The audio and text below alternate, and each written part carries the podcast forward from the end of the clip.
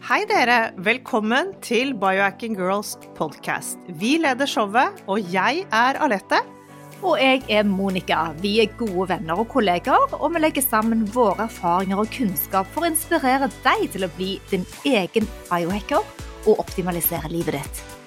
Vi følger med på ny forskning og trender, og stiller de spørsmålene vi mener er nødvendige. Ja, vi deler informasjon om biohacking, life coaching og fitness, og vi håper at du vil føle deg inspirert og klar til å ta et tak for å komme i den beste helsemessige form. Velkommen til Biohacking Girls podcast. Ja, Monica, i dag eh, har vi snakket med Helene Bøksle, en fantastisk sangerinne med en stemme som eh, altså Gåsehud er bare fornavnet.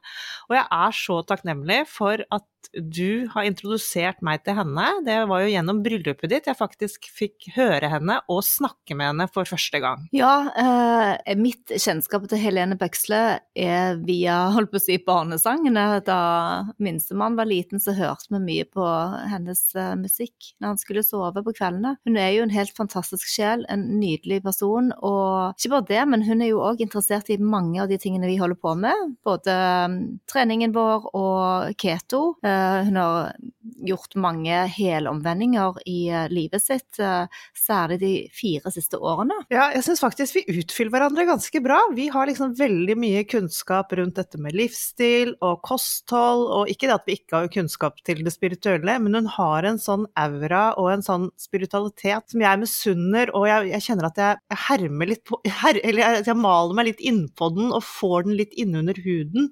Jeg syns det er veldig bra, de to tingene passer så godt sammen. Og som uh, dere nå skal høre, så har vi jo hatt en samtale med Helene som kommer nå etterpå, så dere skal få høre. Og vi gleder oss sånn til å dele denne, fordi at eh, biohacking har mange aspekter. og vi minner om det stadig, og minner oss selv på stadig at vi ikke må bli for opphengt i noen ting.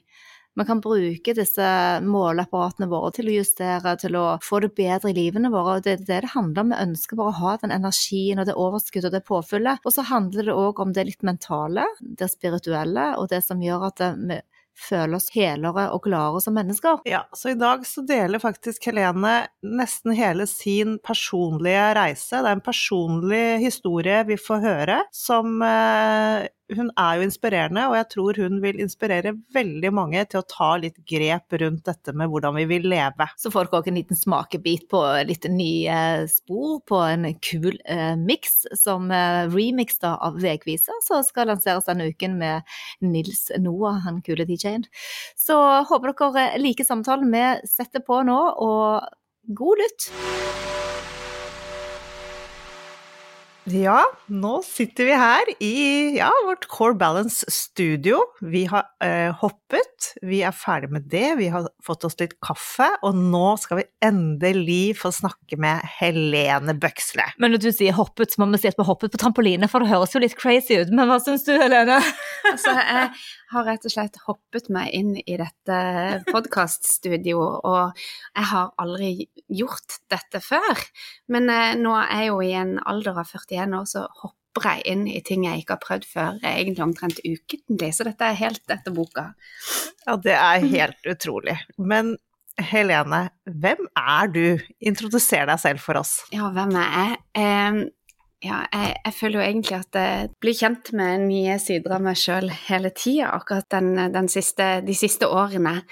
Fordi um, det er vel kanskje det som er litt interessant å snakke om, da. Disse sannhetene som man forteller seg sjøl om hvem man egentlig er, og hvem, men hvem man forteller seg sjøl at man er. Så um, jeg vil si det at um, den jeg kjenner at jeg er nå, en helt annen utgave enn den jeg var for bare ti år siden. En, eh, men jeg har fremdeles den samme røde tråden og den samme brennende energien i form av at jeg elsker jobben min, jeg elsker å synge, jeg elsker å formidle lys og energi gjennom sang, og det er vel kanskje nettopp derfor jeg syns det er så spennende å forske på hvem jeg kan bli og huse denne stemmen med, for jeg ønsker å bli en litt sånn sterkere og bedre utgave, sånn at jeg kan synge enda kraftigere og sterkere. Ja, vi var jo deg, har jo hørt deg synge en del ganger nå, både Monica og jeg, og det er jo altså Det er magi, og det er uh, utrolig vakkert. Men sist vi hørte på deg, så snakket du en del om når du var liten, og litt Kan ikke du fortelle litt om oppveksten din?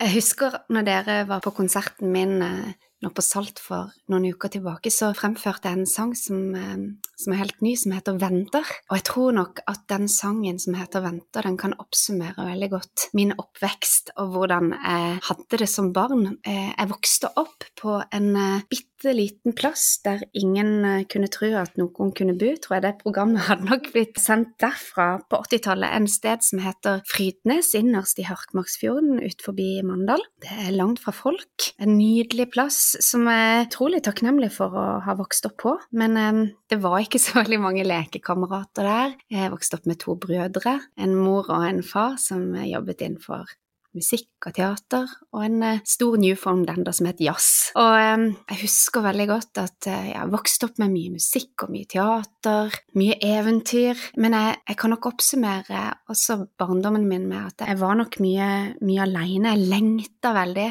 Altså tilbake til tittelen Venter. Jeg venta på at noe vidunderlig skulle skje. Så jeg husker at jeg gikk ned til er fjord som, som, som, som ligger rett ved huset på Frydnesen, som heter Harkmarksfjorden. og der husker jeg som barn så gikk jeg ned og hadde med meg en sånn Walkman. Så sneik jeg meg, som var min lille hemmelige plass, et gammelt stupebrett som man ikke kunne hoppe på, for da knakk det.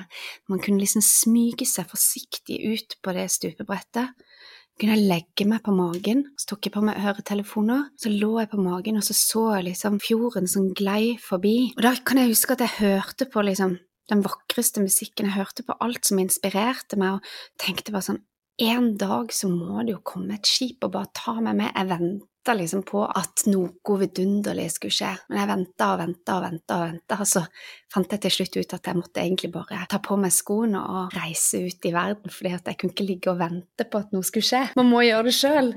det er liksom den. Du hadde nesten litt for store drømmer i den lille barnekroppen din, du. Og i dag, eh, i dag eh, så gjør du så masse, og tilbake til ditt eget personlige liv. Du, du er jo tobarnsmamma, eller kanskje vi skal si mm. firebarnsmamma, mm. på, en, på en måte, ja. Og hvordan, hvordan, tenker du at din barndom knyttes opp til eh, dine barn i dag, og hvordan det du da kanskje savnet eller lengtet etter, hvordan kan du inspirere både barna dine og, og andre å ta det videre? Ja, jeg tror nok det at eh, jeg vokste opp i en liten by hvor man helst skulle være veldig Gjør det alt eh, Gjøre alt det som alle de andre skulle gjøre. Jeg kjente veldig tidlig at jeg liksom ikke helt passet inn. Jeg gikk med litt andre klær. Jeg følte meg litt større. Jeg tror nok tidlig at jeg ble veldig sånn oppmerksom på at jeg ikke helt passet inn. Og tilbake til det der med de der sannhetene, at man liksom Ja, nei, jeg kan ikke gjøre det. Jeg er ikke noe god på det. Jeg tror nok hva jeg ønsker å lære mine barn, er nok eh, mye av grunnen til at jeg ønsket å gjøre dette intervjuet i dag. At hvis jeg kan reise tilbake i tid og møte Helene ti eller tolv år, og gi den ungen en klem og si bare at det går bra, og kanskje også tro på det der med at, at man Det høres liksom litt enkelt ut å si det, at liksom følg drømmen din, men finn noe som du brenner for, noe du elsker, og vise barna dine det. Fordi jeg tenker jeg, jeg reiser mye, jeg jobber mye, men jeg ønsker også å vise barna mine at det jeg gjør, det er ikke bare jobb, det er noe jeg brenner for, og det er vel kanskje den største gaven man kan gi et barn, å vise at man har det gøy, at man brenner for noe, og også ha den leken i seg. Så jeg, jeg tror nok jeg har lyst til å liksom prøve å, å, hjelpe barna mine. De må gå gjennom sine dører, absolutt, men jeg, jeg, skal, jeg har lyst til å gi dem noen verktøy som gjør at man kan hoppe over alle de der eh, bommene som er kanskje har måttet gå gjennom. Og det har vært så sinnssykt mange dører, og en utrolig dyr eh, utdannelse i form av erfaringer. Så kanskje jeg kan hjelpe de eller noen på veien, sånn at man kan inspirere eller um, tenke at det finnes løsninger som gjør at man kan kanskje ha det litt, litt bedre med seg sjøl, og også, også, få en, kanskje en, en annen drivkraft, da Mm.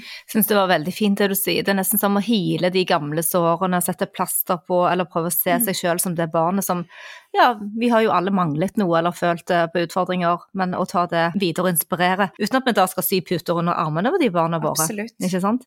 Men du har jo òg gjort en ganske sånn uh, stor helseomveltning i livet ditt òg de siste årene, eller etter at du fikk siste barn. Kan du fortelle oss litt om det? Ja, altså um Jøye meg. Altså, jeg føler at det har virkelig vært mange runder i manesjen. Jeg tror nok ja, Hvis jeg skal se tilbake på det, så, så, tenker jeg Og nå skal jeg være helt ærlig, så kan jeg si det bare at jeg skulle ønske at jeg hadde vært litt greiere med meg sjøl. Eh, fordi at eh, alle disse årene siden jeg flyttet veldig tidlig hjemmefra, siden jeg var veldig ung jente, sånn 16 år, så, så har man da altså vært gjennom så mange eh, ja, eh, måter å prøve å liksom kontrollere kroppen, prøve å, å tilpasse seg først og fremst da den evige pleasingen, sant, at man skal prøve å tilpasse seg gjennom det og, og kanskje ja, hvordan man skal spise, og man skal, hvordan man skal se ut, og altså en evig runddans i egentlig eh, ja, en reise som, som, handler om det at man ikke er så ja, virkelig ikke grei med seg sjøl. Og det, det, skaper så mye ubalanse og så mye um, unødvendig eh, Altså så mye unødvendige dører som, som, som, som jeg tror man med, Ikke med letthet, men med enkle grep da kunne gjort at man kunne ha, har, har fått en helt annen balanse mye tidligere. Men eh, alt er læring, og jeg er takknemlig for at eh, jeg har eh, møtt mennesker og hjelpere på min vei som, som har ledet meg til en, eh, et, et livsstil nå som jeg føler liksom Endelig. Du snakker om ja, etter andre barn. Jeg følte egentlig at jeg fikk en, en stor oppvåkning, jeg vil si et, en skikkelig slegge i hodet. Det, det, er jo sånn man sier sånn Hvor mange, mange små kakk i hodet får man før eh, liksom slegga kommer? Og jeg tror nok jeg har fått mange liksom red flags som jeg sier bare nå, nå må du lytte. Nå må du lytte på kroppen din. Men jeg bare dundrer videre. Jing, jing, jing. Turné etter turné. Stjernekamp med baby. Bare kjørt på og tenkt ja, men dette går bra. Sånn er denne bransjen her. Det finnes ikke noen vikar i denne jobben. Kjørt på, kjørt på, kjørt på. Til jeg var gravid med min datter som nå er fire år. Så jeg vil si at det er liksom fire år som det har på en måte endra seg, da. Eh, midt under graviditeten så, så, var jeg på turné i Nord-Norge. Så begynte jeg å hoste. Og jeg hosta og hosta og hosta og hosta gjennom hele konsertturneen. Og det var ingen huller å gjemme seg i, akkurat som Karius og Baktus. Det var liksom For hver sang og for hver applaus jeg fikk, så var det sånn snudde jeg meg vekk, og så hosta jeg. Og det var så slitsomt. Og så utviklet den hosten seg til at jeg fikk lungebetennelse, og jeg hosta så mye at jeg brakk to ribbein. Så hele graviditeten var liksom en eneste stor sånn det var sånn, sånn smerte. Og til og med da så tenkte jeg ja, men jeg hoster jo bare. Sant? Så det er jo bare en lungebetennelse, jeg kan ikke ta antibiotika for jeg er gravid. Så jeg tenkte bare sånn ja, men dette går jo bare over fram til at jeg kan virkelig liksom se det for meg at under fødselen så kjente jeg, når endelig liksom hadde gått gjennom hele denne graviditeten, at jeg kjente bare at alle de årene fra jeg var liksom ung jente til at jeg liksom gikk under denne lange, lange fødselen, som var et sånt bilde på alt, og tenkte bare nå er det nok. Nå er jeg så lei nå er jeg så lei, så jeg gikk rundt og bare nei, nei, nei, sa jeg bare til jordmødrene, og de bare nei, nå er jeg så lei, nå er det nok! så den fødselen var jo en fødsel på så mange vis. Det var en fødsel for min datter, det var en fødsel på et vis at jeg tenkte vet du hva, dette er min sjanse, nå, nå får ikke jeg flere sjanser. Nå er det tid for å rydde opp i alle loft og kjellere. Og sånn begynte det. Mm. Ja, det var jo en utrolig fødsel, Helene.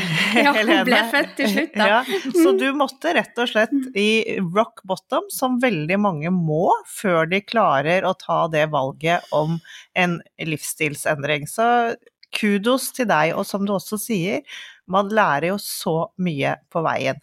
Og eh, hvordan har det vært da, disse fire årene? Hva, hvordan har du forandret deg? Åh, ja. Eh, det er jo liksom, som du sier, at man møter på en måte bunnen, og så har man jo vært eh, Man har jo en, eh, vil jeg jo si, så lite kunnskap om hvordan man skal være grei med kroppen sin, så man prøver jo egentlig først og fremst da, så tenker man liksom at hva skal jeg velge vekk? Så begynner man med det derre Jeg husker da at jeg tenkte ja, men det, det er kanskje kjøtt jeg ikke tåler, eller melk, eller gluten. Altså, man var egentlig litt sånn i et stort bibliotek, og det var tusen millioner bøker rundt det, og du tenkte bare hvilken bok skal jeg ta ut?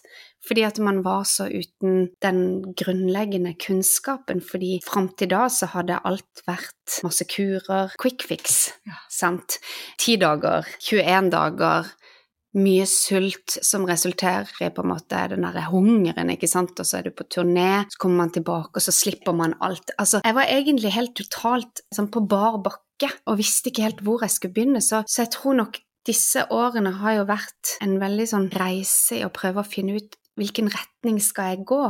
Men jeg hadde en sånn indre tro på at dette var ingen quick fix. Her måtte jeg være skilpadde å gå. Jeg skulle ikke være harde, jeg skulle gå sakte og prøve å finne ut av eh, min vei. Og, og være veldig sånn lydhør for hjelperne mine på min vei, da. Men det er jo først, vil jeg si, da, de siste to årene at jeg endelig liksom begynner å kjenne at man er i en balanse, og at kroppen resonnerer. Men fremdeles så er jeg veldig interessert i å, å, å gå dypere og dypere og dypere og, og gjøre ting som er Kanskje å utfordre meg sjøl. Det å gjøre nye ting hele tida. Hoppe på trampoline i dag. Har eh, begynt å eh, Altså begynt jo å løpe for eh, Idet alt stengte ned i, i, mars i 2020, da hadde jeg ikke løpt omtrent en meter. Eh, og, og da, da, lastet jeg ned en app som, som hadde en sånn 5K runner hvor jeg var helt sånn på barnenivå, hvor jeg hadde en dame inni øret mitt som sa sånn You're doing great! Og jeg bare Yes, I do! Løp liksom litt og litt sånn I'm so proud of you. Ok, thank you! Det er liksom Vi er på det nivået. Men det var altså for meg, ikke sant, som, har, som på ungdomsskolen Jeg løp over jordet fordi jeg juksa, skjønner du? Fordi at jeg syns jo at alle de andre var idioter som faktisk løp hele runder, fordi at jeg tenkte det er mye, mye lettere å løpe over enn rundt. Eh, men jeg skjønte jo ikke det at jeg lurte meg sjøl. Men, men, det er på en måte bit for bit. Og at jeg da nå i oktober skal løpe en halvmaraton, er jo for meg altså I'm doing great inni hodet mitt. Jeg trenger ikke hun damen inni hodet mitt lenger, for den damen har på en måte begynt å ta bolig i meg. Men eh, å gjøre ting som jeg aldri hadde trodd jeg skulle gjøre. Ting som man har sagt til seg sjøl at man hater. Det er jo helt utrolig eh, hvordan man kan snu ting, da. Mm. Men det er så interessant med deg, for du er jo da en eh, sånn vakker, nesten en engel i masse fine kjoler har du alltid, du stråler med de blå øynene dine og uttrykket ditt, og så, så ligger det bak den fasaden så ligger det da en skikkelig sports- og nutrition-interessert kvinne med mm. tæl og nysgjerrighet. Og jeg må si at når du kom her for mange år siden på Core Balance og skulle trene de tøffe skulptklassene våre, så var jeg litt sånn overrasket og tenkte oi, så bra! Mm. Og så kommer du her og trener trampoline, og du skal løpe halvmaraton. Men hvordan ser en treningsuke, for vi vet at du er mye i studio og spiller inn eller lager musikk, men hvordan ser en treningsuke og, og mat, hvordan ser mm. dette ut i ditt liv? Ja, for min del så var jo denne pandemien da på mange måter en, en restart, eh, fordi at eh, jeg fikk jo faktisk tid. Jeg måtte snu det opp ned, jeg måtte tenke liksom at alt ble avlyst eh, alt som man hadde sett for seg de neste to årene, for det er jo så lenge man planlegger i min bransje, alt ble revet vekk. Men jeg måtte rett og slett bestemme at nå får du tid, Helene. Du har bedt om tid. Du har bedt om å, å, å få tid til å hile deg sjøl. Eh, ok, skal jeg sitte inne og synes synd på meg sjøl? For det kan jeg lett gjøre nå. Eller skal jeg da ta på meg de skoene og gå og begynne å løpe? Og først så var det fra lyktestolpe til lyktestolpe, men etter hvert så begynte de beina å faktisk bevise at de kunne løpe. og også bevise at det finnes ikke noe runners body. Altså, alle kan løpe på samme måte som alle kan synge. Alle har sin egen klang. Alle kropper er forskjellige, men alle kan bevege seg på sitt vis. Og det med å kjenne at man får en styrke, at det begynner sakte, men sikkert å komme, liksom At man liksom ser at kroppen resonnerer, og samtidig utfordrer seg sjøl. Vi, vi, er så heldige i min bakgård i, i Ullevål Hageby at vi har en eh, PT som jeg er utrolig takknemlig for. Vi er åtte damer som møtes to ganger i uka uansett vær, og det har vi gjort de siste to årene. De gangene man kikker ut av vinduet og det blåser og det er 20 minus ute og man tenker i dag blir det avlyst, da skal jeg love deg, der står hun der. Det er aldri avlyst. Det er så sinnssykt eh, motiverende å ha en dame som alltid stiller opp. Og vi er da åtte damer i veldig ulike eh, både ulike jobber og ulikt utgangspunkt, og, og alle på en måte kommer litt sånn eh, usminka og, sårbare, vil jeg si. For alle er gode på litt forskjellig. Og så har man liksom Jeg, jeg husker jeg kom dit så sa jeg sånn ja, 'Du har litt vondt her, og jeg er egentlig ikke så god på det', og Nei vel, men da trenger du å bli sterkere der. Det er jo bare kroppen som bare egentlig skriker etter å, å begynne et sted.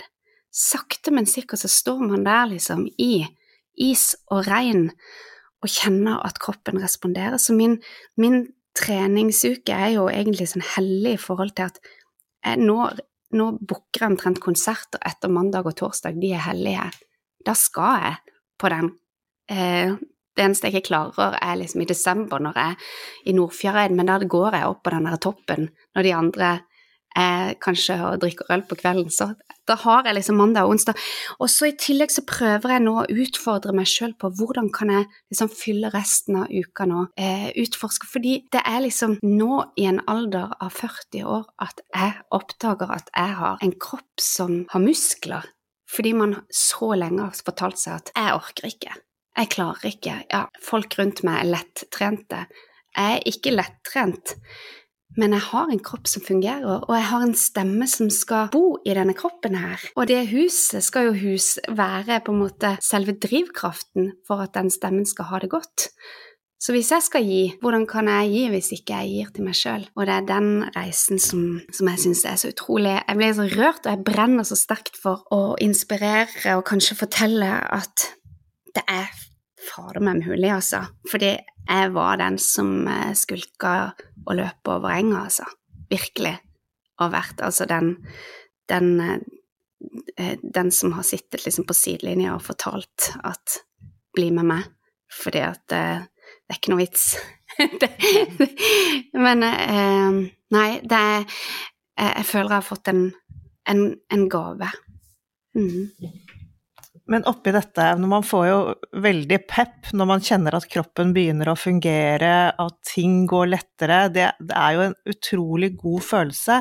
Men oppi det hele så har du jo gjort mye med kostholdet ditt også. Mm. Få høre litt om det.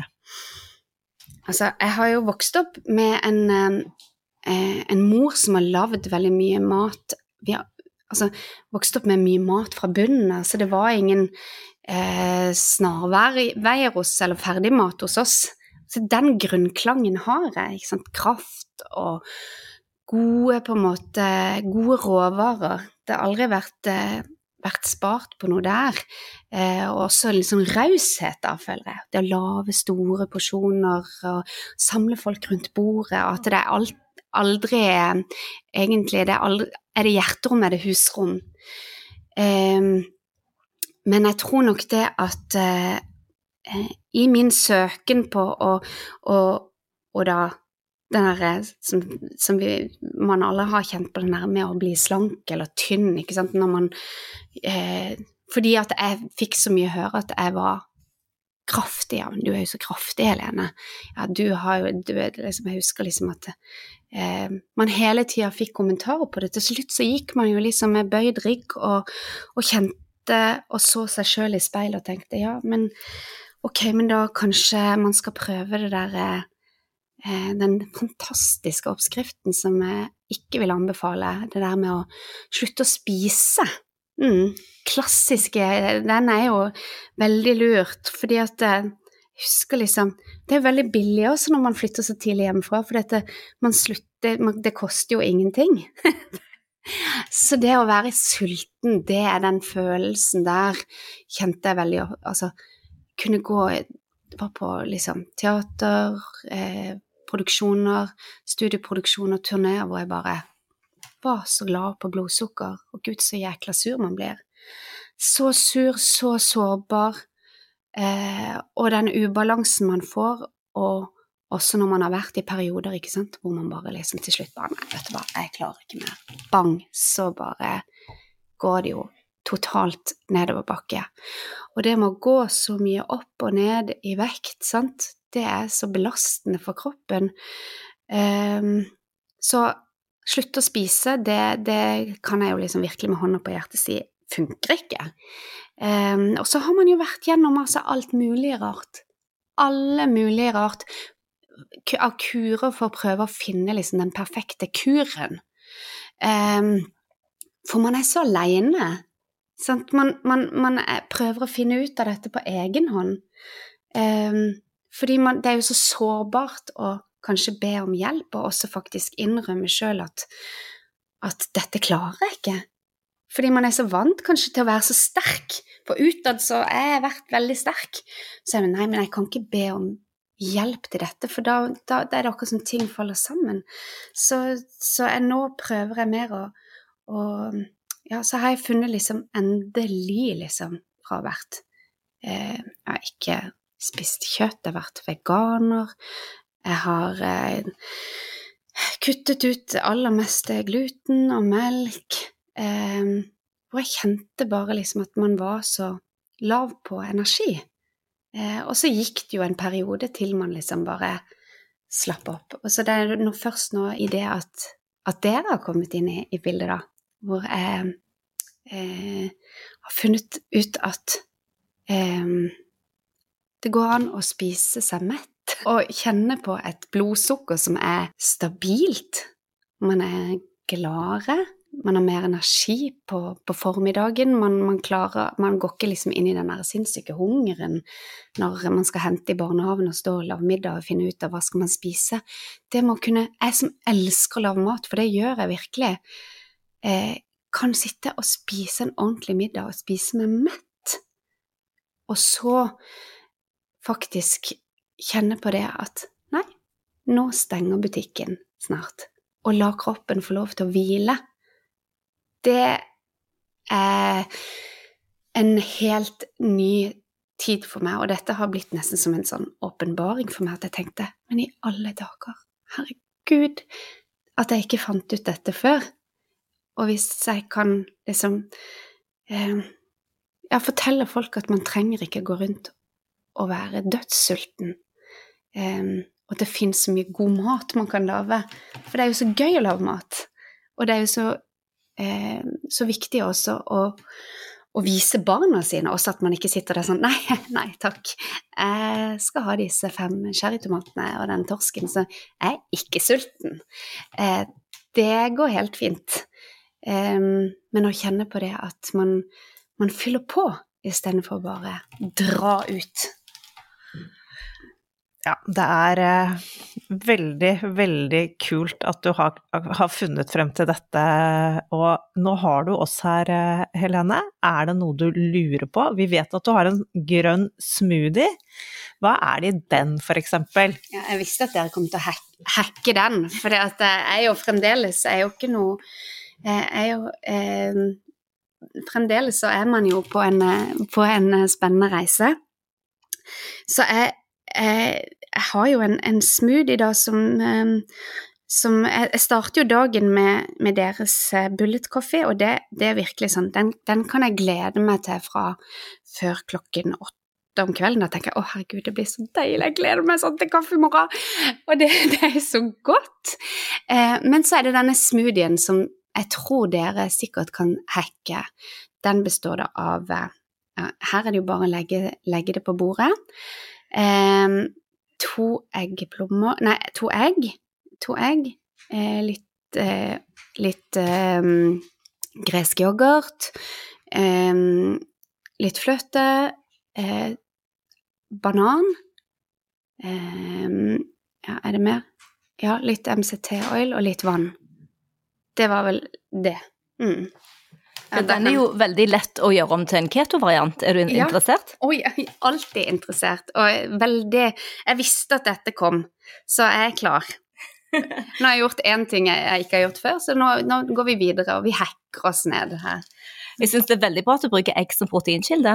Vel, veldig bra. Ja, det er super, for det er så lett å bare putte proteinpulver og sånne ting oppi.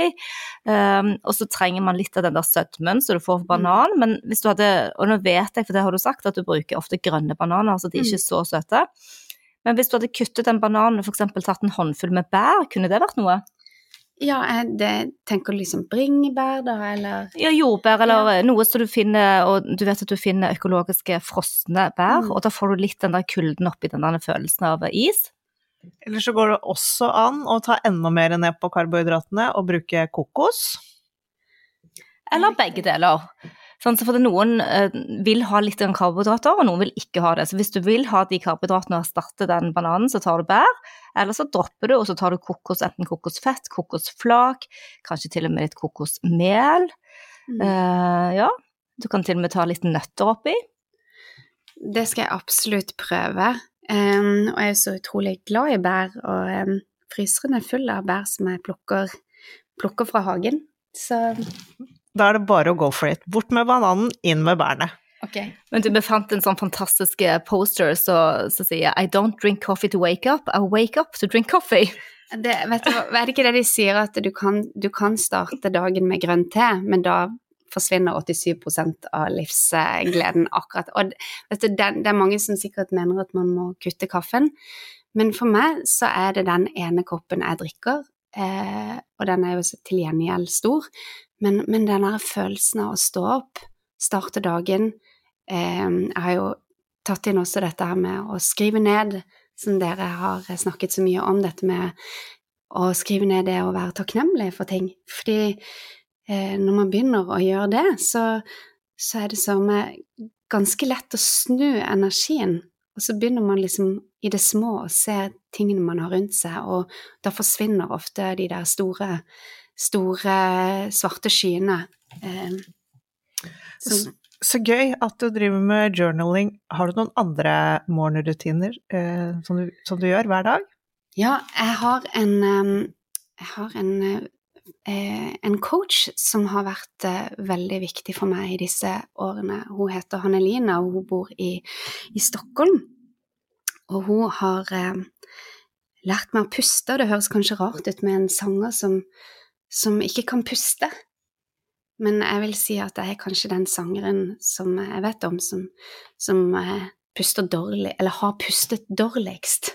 Jeg har pustet egentlig eh, Jeg har pustet fra, fra brystet og opp. Sånn. Så jeg har egentlig liksom brukt Jeg har vært utrolig sterk liksom i halsen og, og, og ut. Men hun, hun har hjulpet meg til å begynne å puste nedover. Og i det at jeg begynner å, å puste nedover, så, så har jeg merket det at klangen på stemmen min har endret seg. Og hun har sagt til meg at tenk når du begynner å synge fra magen, hvordan vil stemmen din vil høres ut da?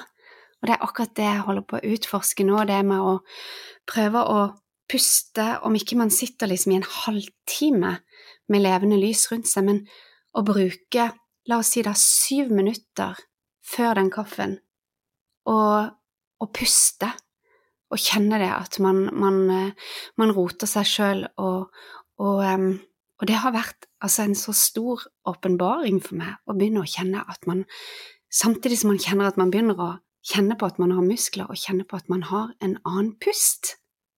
Altså, det er så spennende, og også en, en stor, eh, stor reise. Ja, dette med kortisol og stress, eh, det handler veldig mye om pusten, og det er fint å ha det med inn i morgenrutinene, for vi starter jo dagen og vil gjerne kanskje ha en smooth overgang til alt det vi skal gjøre, men når du er ute og reiser på konsert, klarer du å ta med deg disse morgenrutinene og holdt på å si smoothien din, bulletproofen din, Mm. Får du det med deg? Ja, altså, jeg er jo en baglady når jeg er på tur. De bare ler jo av meg. Eh, for her er det jo altså Det er så mye rart. Folk ler jo når jeg går ut av den turnébussen, for det er, altså, det er blender, og det er strikketøy, og det er bøker, og det er nå også blitt strikk, ikke sant, som jeg driver på med på hotellrommet. Det er rett før jeg tar med meg liksom Den har jeg ikke tatt med meg, den kettlebellen der, for det går ikke. Trampolinen kommer snart. Men nå kommer sør med trampolinen. Altså, man får med det med på, på turné. Men først og fremst eh, så er jo det med å være på turné eh, eller utenfor hjemmet sitt, hvor man har sine ting, sant, hvor man, man blir jo på en måte veldig sånn avhengig av at ting eh, fungerer, og at man har eh, sine hjelpemidler da, for at man skal klare å gå gjennom dagen. Og det å være på hotell et nytt sted hver eneste dag, men ikke minst at man bor i et land som har så egentlig veldig lite mat tilgjengelig eh, på farta, det må jeg si er en utfordring når man har begynt å eh, bli veldig bevisst på hva man skal spise, for det, du kan ikke bare stoppe på en bensinstasjon eller nærmeste Kiwi. Det er Man må ha med seg mye, og det krever mye planlegging. Um, men jeg har valgt faktisk det å ikke se på meg sjøl som veldig vanskelig. Uh, for det er lett at man sier sånn ja, men du er så sær. Jeg vil jo heller si at dette er en del av jobben min, fordi jeg må ta godt vare på meg sjøl, både for at folk i bandet mitt og produksjonen er avhengig av at min stemme fungerer, men så handler det også, om de hjemme som jeg skal faktisk komme hjem til. Det er, jeg syns de fortjener at ikke de, at jeg kommer hjem som et sånn slakt og går ned for telling lille julaften og sier god jul, og da jeg bruker jeg, har jeg ofte brukt liksom to måneder. Begynnelsen av mars, da begynner jeg å komme med. Og da har jeg gitt liksom hele hjertet mitt til hele Norge, og så, så er det ingenting igjen til, til, til meg sjøl. Så, så, om jeg har med to ekstra bager på tur eh, jeg, jeg, gidder ikke å, å, si at jeg er sær lenger, jeg sier bare sånn er det, og dette er en del av jobben min. Men det er klart, det, det kunne jo vært Jeg hadde jo ønsket at kanskje eh, norske dagligvarer kunne gjort det litt eh, mer tilgjengelig. Eh, synes det, Der må jeg få lov å, å, påpeke at der har vi en jobb å gjøre, altså. Eh, med å kanskje presse litt på.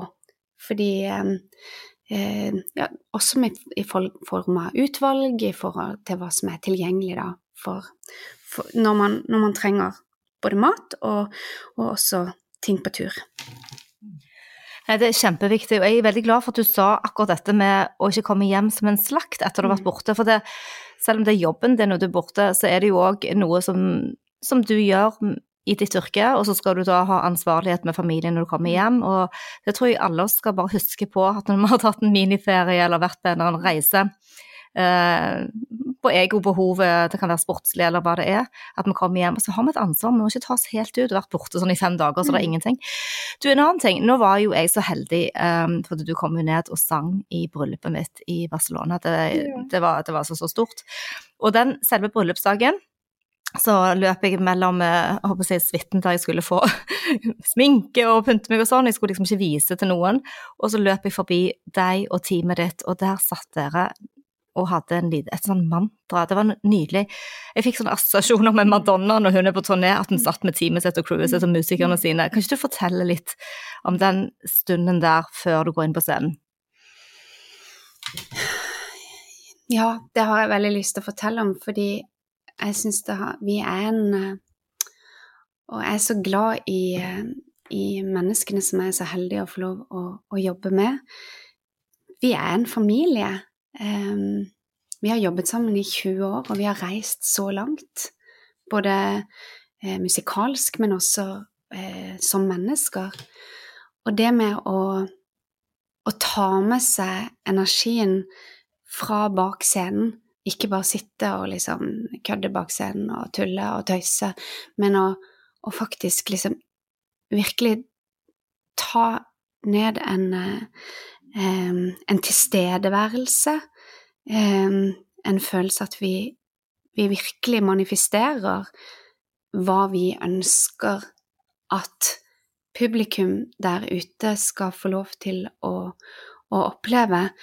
Um, jeg tar inn på et vis Frans Assissis bønn, den derre Lord, make me an instrument of your peace.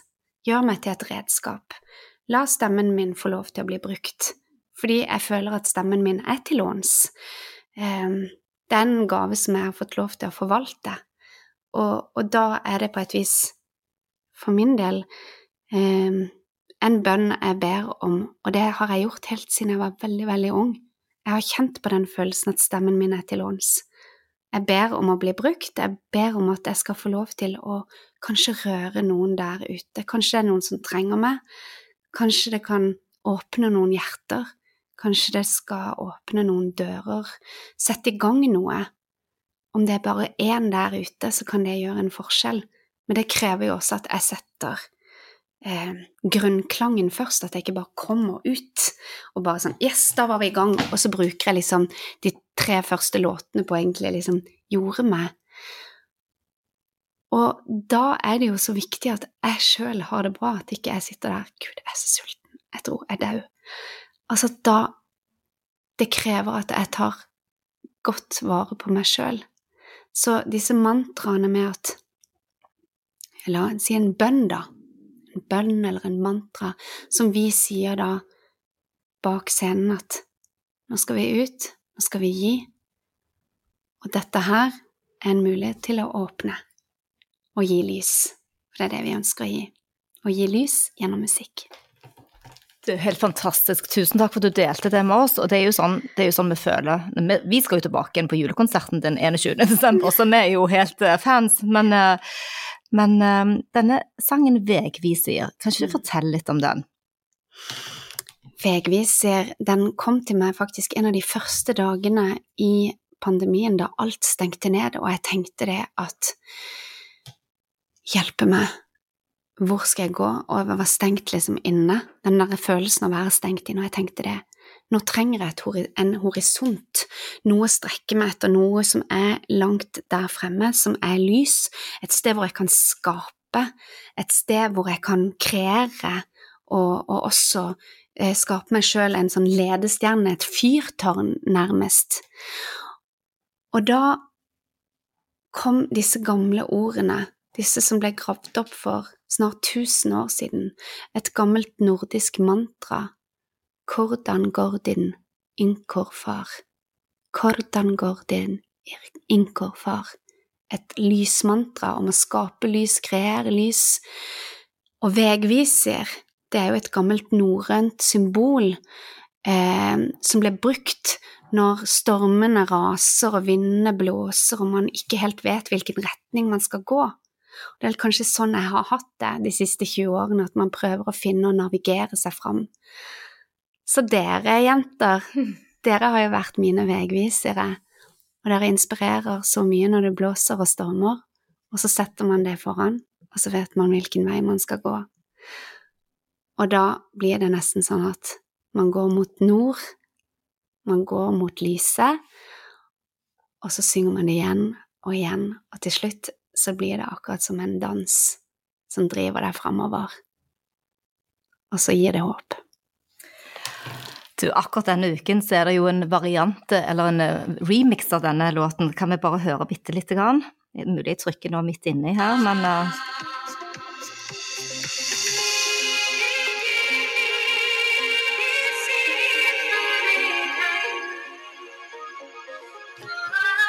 Kan du fortelle litt om denne? Or, det er jo så spennende, fordi um, Nils Noah, en av de virkelig store DJ-ene som jeg har eh, fulgt gjennom så mange år. Han eh, likte tydeligvis eh, disse ordene og lot seg inspirere til å lage en helt ny remix. Og igjen da til den følelsen av at man skal gjøre ting man ikke hadde trodd man skulle gjøre. Jeg hadde aldri trodd at jeg skulle inn i denne verden her, inn mot eh, liksom denne sjangeren her. Men vet du hva? Jeg får lyst til å danse, jeg får lyst til å hoppe, og jeg kjenner bare dette her er en dans som jeg har lyst til å danse mer av. Jeg blir med på den Ja, dansen. vi får hoppe sammen, da. Fantastisk. Nei, men uh, dette har vært uh, veldig inspirerende. Så, så utrolig å, høre, å høre historien din, uh, Helene. Og også så veldig hyggelig å bli kjent med deg, ikke minst. Du er jo en stjerne, rett og slett. Det er det også. Og jeg tenker bare det er så fint å, å, å få lov til å, å, være Jeg har lyttet til deres podkast eh, så lenge, og, og, og, jeg må bare takke dere for den, eh, den kunnskapen som dere deler, men også inspirasjonen og, og drivkraften som, som, dere gir. Og ikke minst eh, ja, den reisen som dere tar oss med på. For hele tida så er det nye dører å åpne og nye ting å utforske, og man, man er aldri utlært. Nei, vi er med på den reisen, vi, hele tiden. Og det er jo klart at eh, Biohacking handler ikke bare om å telle supplementer og måle søvn og hjerterytme og sånn, det handler om pusten og tilstedeværelsen. Og det er så viktig det mentale og psykologiske helseaspektet ved oss eh, og livene våre òg.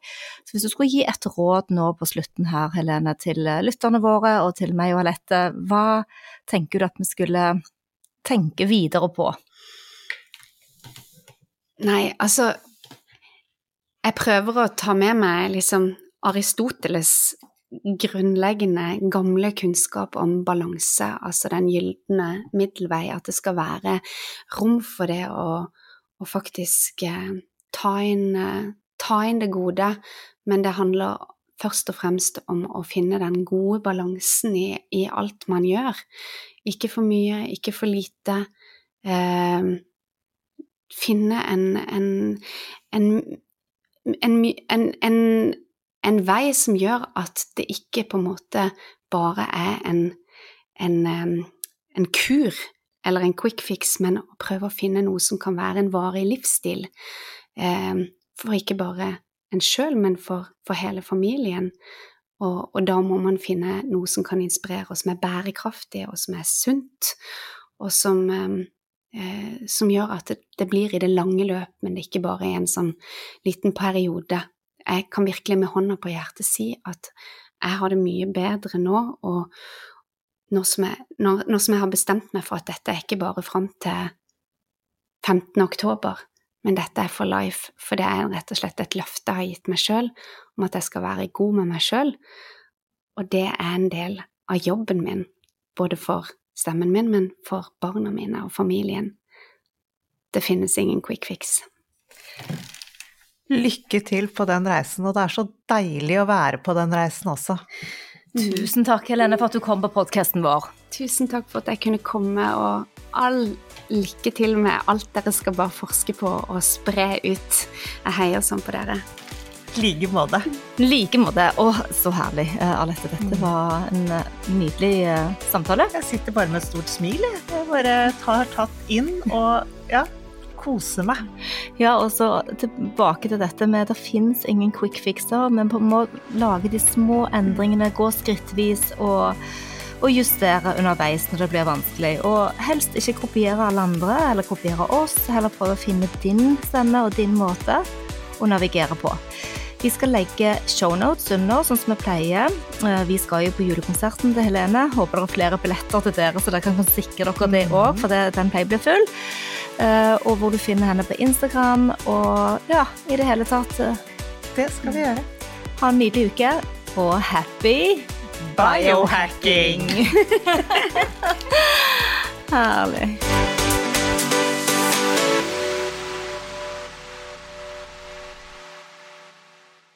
Vi minner om at dere må snakke med egen lege eller kostholdsveileder om dietter og andre spørsmål relatert til medisiner og supplementer. Informasjon vi deler kan ikke bli brukt til å diagnostisere, behandle, forebygge eller kurere noen sykdommer eller tilstander.